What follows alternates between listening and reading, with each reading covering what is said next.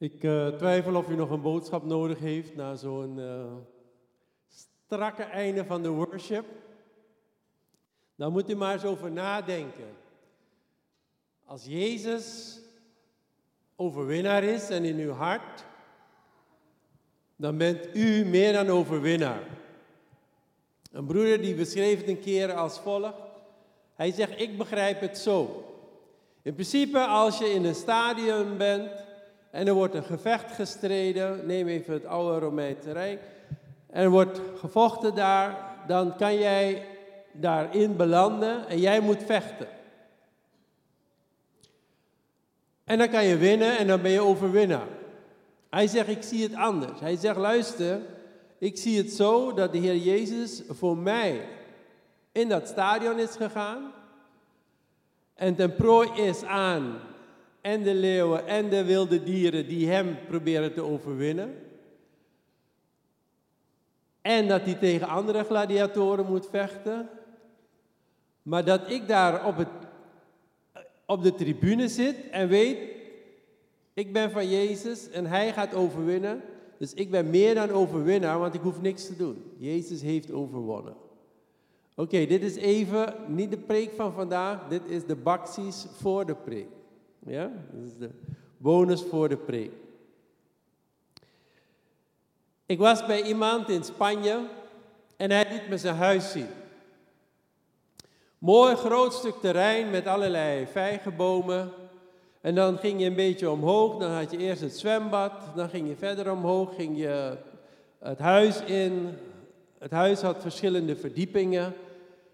En ik vind het altijd een beetje apart als iemand je meeneemt naar hun slaapkamer om te laten zien hoe of wat. Maar dit keer was er niets van, ik laat even de slaapkamer zien van waar wij slapen. Hij zegt, kom even mee. En hij nam me mee en hij zegt, hier lig ik, hier ligt mijn vrouw. En ik kijk zo uit. En hij zegt, wat zie je? Ik zeg, ja, ik zie die bergen aan de overkant. En toen zei hij, ik sla elke ochtend mijn ogen op naar de bergen. Van waar zal mijn hulp komen? En ik wist natuurlijk dat dat een Bijbeltekst was, Psalm 121, vers 1. Ik hef mijn ogen op naar de bergen, van waar zal mijn hulp komen? En ik dacht, nou, heel mooi, dus ik complimenteerde hem, ik vond het fantastisch. En pas vanochtend viel het kwartje. En dit voorval was echt meer dan tien jaar geleden. Pas vanochtend viel het kwartje. Er is iemand die um, een zoon moest verliezen in, in het leven. Hij had nog twee kinderen, maar één zoon moest hij verliezen. En ik denk dat in hun radeloosheid van het verlies van die zoon, hij en zijn vrouw, dat gebeurt vaker, de diepte ingingen met de Heer. Gewild, ongewild, je gaat de diepte in. En in die diepte denk ik dat hij de Heer op een nieuwe manier heeft gevonden, ik weet wel zeker. En dat de Heer hun dwars door die duisternis, in een dal van diepe duisternis vrees ik geen kwaad, niet alleen eruit heeft geholpen, maar op een nieuwe plek heeft gezet en een nieuwe plek heeft gegeven. En dat hij dacht toen hij het huis bouwde, ik wil elke ochtend kunnen uitzien naar die bergen en weten, mijn hulp is van die Heer, welke bergen ik ook tegenkom. En ik hoef het hem niet te vragen, maar ik weet bijna 100% zeker dat dat de kern is van wat hij mij die keer wilde laten zien in zijn huis. Even een kleine sidestep. Waar in uw huis kijkt u uit op wat de Heer voor u heeft gedaan? Maak een plek, bedenk een plek, creëer een plek. Misschien heeft u niet de mogelijkheden om een huis te bouwen in Spanje, precies zodat u als u opstaat daar een berg ziet. Maar u kunt uiteraard ook een foto van een berg in uw slaapkamer of uw woonkamer of bij uw spiegel. Het maakt me niet uit hangen. Maar creëer een plek waarvan je eigenlijk weet, als ik daar in het huis loop, niemand hoeft het te weten, maar eigenlijk zie ik de Heer daar, ontmoet ik de Heer daar en merk ik dat de Heer daar is. Dat is even een kleine sideline. Gewoon een interieur decoration advies van de predikant, die daar niet in gespecialiseerd is. Ik wil even meenemen naar de 15 treden van Bergen. En dan ga ik u nog even meenemen naar Psalm 90. En ik sluit de serie over bergen niet vandaag af, maar volgende week af met een preek over een onaanzienlijke berg. Die toch de meest belangrijke berg werd. Maar ik wil vandaag u meenemen naar deze uitdaging in uw leven. Ik hef mijn ogen op naar de bergen. En dan de vraag van waar zal mijn hulp komen? Soms zitten er uitdagingen in uw leven. Of zijn er dingen die zo moeilijk zijn dat u zegt, wauw, dit is te groot, dit is te hoog. Ik heb mijn geloof toegepast. Ik heb gezegd, berg werp je in de zee, maar het is niet gebeurd. Die bergen staan er nog steeds. Deze psalm 121, vers 1 zit in een serie van 15 psalmen, van psalm 120 tot en met psalm 134. En dat zijn de psalmen die worden gezongen, of werden gezongen door de Israëlieten als zij naar de tempel gingen. En het zijn 15 opgangpsalmen. 15 trappen eigenlijk de berg op om de Heer te gaan aanbidden. En deze 15 psalmen kunt u meenemen voor uw eigen leven en zeggen: Oké, als men naar de tempel ging, u kunt ze elke ochtend lezen voordat u naar de kerk gaat, moet u op tijd beginnen. Het zijn 15 psalmen. U kunt ze ook afspelen, audio. U kunt ze ook 15 zondagen achter elkaar. Maar dat u, als u naar de kerk gaat, dat u denkt van, oké, zij zongen deze psalmen. Zij lazen deze psalmen. Zij kenden deze psalmen. Wat is het voor mij om diezelfde tred te maken naar het huis van de Heer en wat betekent het voor mij? En de eerste psalm die begint met in mijn angst heb ik tot de Heer geroepen. Dus die eerste psalm van het gaan naar de tempel van de Heer, naar het gaan naar het huis van de Heer, begint met angst. En ik weet niet of iemand zich ooit heeft verdiept in de psychologie. Ik weet dat er twee dames zijn die die kant op bezig zijn. Maar we hadden ook een pastoraal therapeut hier in de gemeente. En die zegt, Rens, ik ga een boekje schrijven over angst. Omdat ik merk dat angst een basisemotie is, ook in het geestelijk leven. En veel tot ontwikkeling kan laten komen, maar ook veel kan blokkeren. Dus ik ga erover schrijven dat mensen geen angst hoeven te hebben. Zij was ook degene die mij door bepaalde momenten heen hielp die voor mij heel lastig waren. En toen zei ik tegen haar van luister, daar is al aardig wat over geschreven door een aantal mensen die het verstand, de mind, goed kennen. Maar angst is een basisemotie. En u weet wat u als antidoot, tegenwerking hebt tegen angst. Het staat in 1 Johannes. De liefde, die drijft de angst uit. Dus als u angst heeft, dat is herkenbaar, is geen probleem. De Bijbel kent het, de Heer kent het, wij kennen het allemaal. De psychologie kent het. De psychiaters kennen het, de artsen kennen het. Iedereen kent het. En moed is niet dat je geen angst ervaart. Moed is dat je die angst onder ogen ziet en een stapje verder gaat. Maar in 1 Johannes staat er, liefde drijft die angst uit. Dus als die liefde van God in uw leven zich ontwikkelt, blijft groeien, dan gaat die angst voor de Heer of voor wat dan ook op uw weg bevindt, gaat weg. In mijn angst heb ik tot de Heer geroepen. Dat is Psalm 120. En dan zegt de psalmist, en hij heeft mij geantwoord. Maar vervolgens is die angst overwonnen en komen die bergen. Ik zie op naar de bergen van waar gaat mijn hulp komen. En dat is een hele diepe vraag voor ons. En die psalmist beantwoordt, mijn hulp is van de Heer die hemel en aarde gemaakt heeft. En u moet even iets heel goed begrijpen ten aanzien van de Bijbel, ten aanzien van God als schepper. Als de psalmist zegt, ik heb mijn ogen op naar de bergen, van waar zal mijn hulp komen? Mijn hulp, in vers 2, psalm 121, is van de Heer die hemel en aarde gemaakt heeft. Dan geeft hij het meest fundamentele antwoord op die vraag. Want hij kijkt niet meer naar de bergen. De psalmist kijkt naar de schepper van het alles. Van hemel en aarde.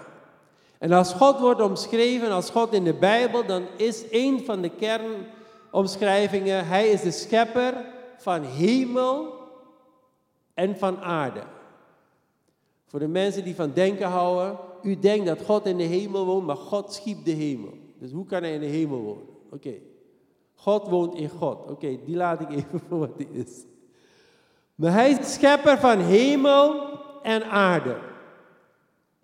Dus die psalmist denkt van welke bergen ik ook voor me zie, ik weet dat die niet komen vanuit mij of vanuit puur de natuur. Die bergen komen vanuit de diepste vanuit God. Dus als een berg mij confronteert, dan moet ik gaan naar de God die die bergen heeft gemaakt. En als Hij mij gaat helpen, dan gaat Hij mij over die berg, om die berg, door die berg heen helpen. Weet u wat een moed ervoor nodig was om de eerste keer de Mount Everest te beklimmen? Dat was verschrikkelijk moeilijk, verschrikkelijk gevaarlijk, het is het nog steeds. Maar de eerste keer dat hij werd beklommen, was een geweldige overwinning voor de mens in zijn eigen omgeving. De hoogste berg beklimmen die deze wereld kent. Millennia daarvoor heeft niemand die berg beklommen. Iedereen heeft die berg gezien. Iedereen dacht, wauw, indrukwekkend. Maar niemand kwam op het idee, ik ga die berg beklimmen. Je liet het wel uit je hoofd, je ging het niet doen. Maar er was een man die dacht, ik ga die berg beklimmen. Ik weet niet wat hij dacht, waarom hij het dacht. Misschien dacht hij, als God het gemaakt heeft, dan kan ik bovenop die berg staan en kijken wat het uitzicht is vanuit Gods perspectief. Ik weet niet wat daarachter speelt. Maar hij heeft die berg overwonnen en vanaf dat moment tot op vandaag de dag is het gewoon een op en neer gaan op Mount Everest. Zelfs zo dat er nu gewoon te veel rotzooi zweeft. U heeft bergen in uw leven die u nooit hebt beklommen, waarvan u denkt dat de mens die nooit heeft beklommen, waarvan u denkt dat is onbeklimbaar, dat is onbegaanbaar, dat is ondoenlijk, wij kunnen het niet, we gaan het niet doen. Het... En toch, als u naar God toe gaat, kan het zijn dat God tegen u zegt, ik doe het even met mijn naam, maar u kunt uw eigen naam invullen. Rens, waarom ben jij bang om de Mount Everest te beklimmen? Jij kan die beklimmen, al heeft nog niemand het ooit gedaan. En dan sta ik met een open mond en denk ik, oké, hoe ga ik hierop reageren? Maar die psalmist zegt niet van, jij doet het zomaar, mijn hulp is van de Heer die hemel en aarde gemaakt heeft. Ik, ik hou van het woord co-creatie. Samen scheppen betekent eigenlijk. Creation betekent schepping. Co-creatie is samen scheppen. En God schiep. Maar ergens denk ik dat de mens de gave heeft om co-creator te zijn. Om samen met de Heer te scheppen. Ik zie het eigenlijk nog fundamenteel. Het is niet samen met de Heer te scheppen. Maar Spreuken zegt, het is voor de mens verborgen. Maar het is een eer om te ontdekken wat er verborgen is. Er is nog zoveel verborgen, onbekend en het is een eer om te ontdekken wat dat is. U bent een geschapen door God, ten diepste bent u een schepping. Ten diepste bent u een cadeau, u weet. Een kind is een cadeau van de ouders. Dus u bent geen eigendom van uw ouders geweest, u zult het ook nooit zijn geweest. Misschien dachten ze het, maar het was fout. Misschien denkt u het, maar het is fout. Misschien bent u pas getrouwd en denkt u, ah, die is van mij. Nee, die is niet van mij. Die is van de Heer. En ik heb een cadeau van iemand anders gehad. En dat cadeau is nu in mijn leven. Dus er lopen twee cadeautjes in het huwelijk.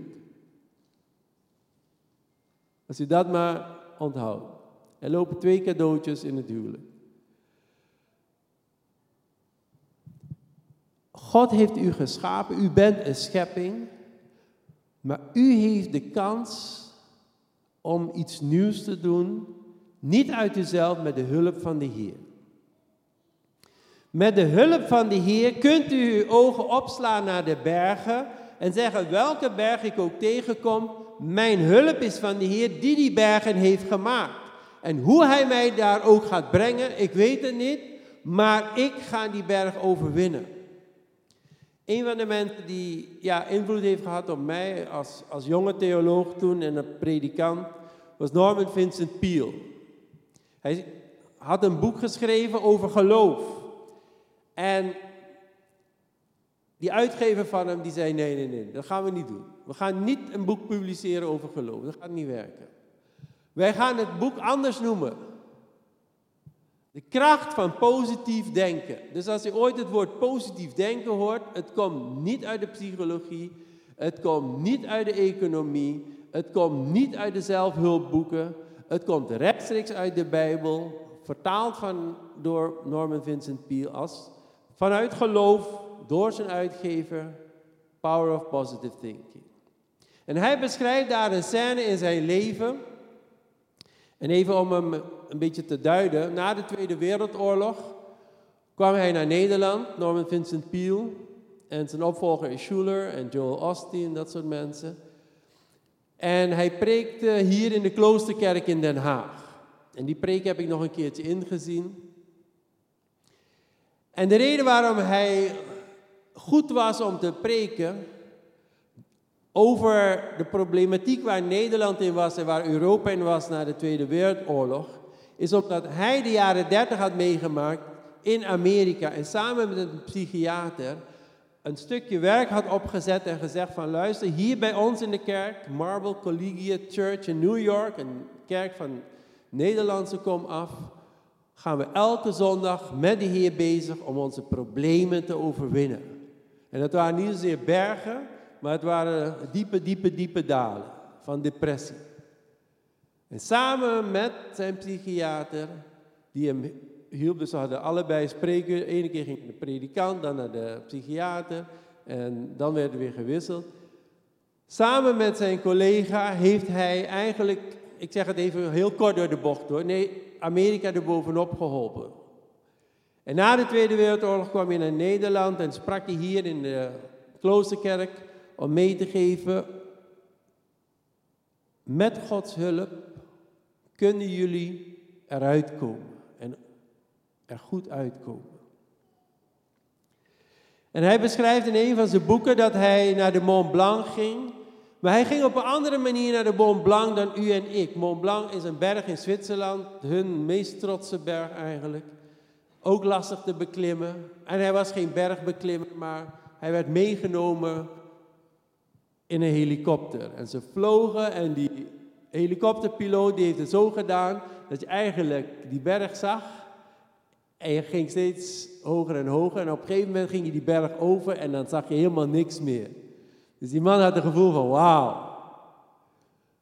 U kunt uw Mount Everest beklimmen. U kunt over uw Mont Blanc heen vliegen. Mijn hulp is van de Heer die hemel en aarde gemaakt heeft. En dan ga ik nu even naar Psalm 90. En dan hoop ik dat ik kom bij waar ik u wil hebben met uw denken over bergen. En 90% van die psalmen zijn, komen van David, de grote dichter. Duizenden liederen gedicht. Maar hier staat bij een gebed van Mozes, de man Gods. Die fundamenteel was voor alles wat Israël is geweest. Door zijn roeping, luister even goed, waarvan hij dacht dat hij die roeping niet aankon en niet kon accepteren zonder de hulp van zijn broer Aaron. En hij zei van, heer, ik moet spreken tegen Farao, ik kan niet eens spreken, ik hakkel. Ik vind het geweldig als de Heer sprekers roept om te spreken, waarvan de sprekers denken, ik kan het niet. Of ik heb het niet het intellect, of ik heb niet de charme, of ik heb niet het spraakvermogen. Um, even een klein autobiografisch detail. Toen ik het gevoel had dat ik moest gaan spreken, ik weet niet if you have ever shaken, of je ooit hebt getrild. Maar ik dacht, het kan niet voor mij zijn, het kan niet van mij zijn, het kan, is voor iemand anders. En het heeft me jaren geduurd om te accepteren dat ik kon spreken. Het heeft jaren geduurd. En ik weet nog een, een kantelmoment. We waren in de kerk van de broedergemeente in Amsterdam, in die oude kerk. Kleine oude kerk. En er liepen oude zendelingen daar rond. Die was al over de 70. En ik was aan het voorbereiden voor een jeugdbijeenkomst. En in verband met de jeugdbijeenkomst deed ik gewoon een paar ceremoniemeesterachtige dingen. En ik begon gewoon uit het niets te praten. Brab. Is de, voor mij was het Cor Burggraaf. Cor Burggraaf die liep daar achter ergens langs en die zei later daarna tegen mij: Rens, je hebt de gave van het spreken. Dat is voor het eerst dat ik voor mezelf accepteerde: ik kan spreken. Ik hou ervan als God mensen aanraakt en zegt, jij kan iets waarvan die persoon zelf denkt, ik kan niet. Nou, dat is misschien extreem, maar ik kan niet. Ik kan het niet. Ik kan iets niet. En God zegt, je kan het wel. Voor de bergen waren, voor aarde en hemel geschapen werd, was God er. En u bent de schepping Gods. Dus als de schepper iets in u ziet, al is het een topkok, als de schepper iets in u ziet, de Heer kan het uit u halen. Niet uw psychiater, niet uw psycholoog, niet uw onderwijzer, niet uw leerkracht. De Heer kan het uit u halen. Leg uzelf niet in de handen van een ander, maar van de ander, namelijk de Heer. En dan kom ik met het gebed van Mozes, de man Gods, die zoveel heeft meegemaakt, maar hij zegt, ik neem even mee naar de gebedskamer van Mozes. Heren. Dus Mozes is bezig met de Heer, niet met het volk. Niet met die miljoen mensen, niet met zijn tegenstanders, niet met de honger, niet met de droogte, niet met de problematiek van de vijanden. Hij is bezig met de Heer. Heer, u bent ons een toevlucht geweest. Hij is niet alleen voor zichzelf bezig. Hij is de leider van het volk. U bent ons, volk van Israël, toevlucht geweest. Van generatie op generatie. Niet alleen gisteren, niet alleen vandaag, ook morgen. U bent het geweest, al voor de bergen geboren waren. En u de aarde en de wereld voorbracht voortgebracht had. Ja, van eeuwigheid tot eeuwigheid bent u God. Dat is het perspectief van het gebedsleven van een van de grootste leiders in de wereld, Mozes. Heer, wat ik ook meemaak, buiten mijn gebedstent, buiten de tabernakel, wat er ook gebeurt, u bent God geweest van voor die bergen, van voor die woestijn, van voor die ellende, van voor de moeite, van voor dat farao er was. U bent God geweest van generatie op generatie. En God maakte zich bekend aan Mozes. Ik ben niet alleen jouw God, maar ik ben de God die is. En ik ben de God van Abraham, Isaac en Jacob. Van voor jou, van nu en van na jou. Ik wil even meenemen naar uw plekken rondom bergen. Het belangrijkste wat ik u mee wil geven van de bergen is: ga de berg op met Jezus en ontmoet de Heer daar. De stilte, de rust met één of twee of drie mensen. Neem tijd voor de Heer. Maar er zijn bergen in uw leven die u weg moet halen. Er zijn bergen in uw leven die overwonnen moeten worden. En u weet niet hoe. U weet nog niet hoe. U verwijt uzelf. Ik zou het moeten weten. U weet niet hoe. U hoeft zich niet te schamen dat u niet weet hoe u die bergen moet overwinnen. U gaat naar de God die uw hulp is. En die de hulp was voor uw ouders en uw voorouders. Die de hulp zal zijn voor uw kinderen en voor uw kindskinderen. En u gaat naar die God toe en zegt, u bent mijn hulp, help mij. Zullen we gaan staan en naar de Heer toe gaan?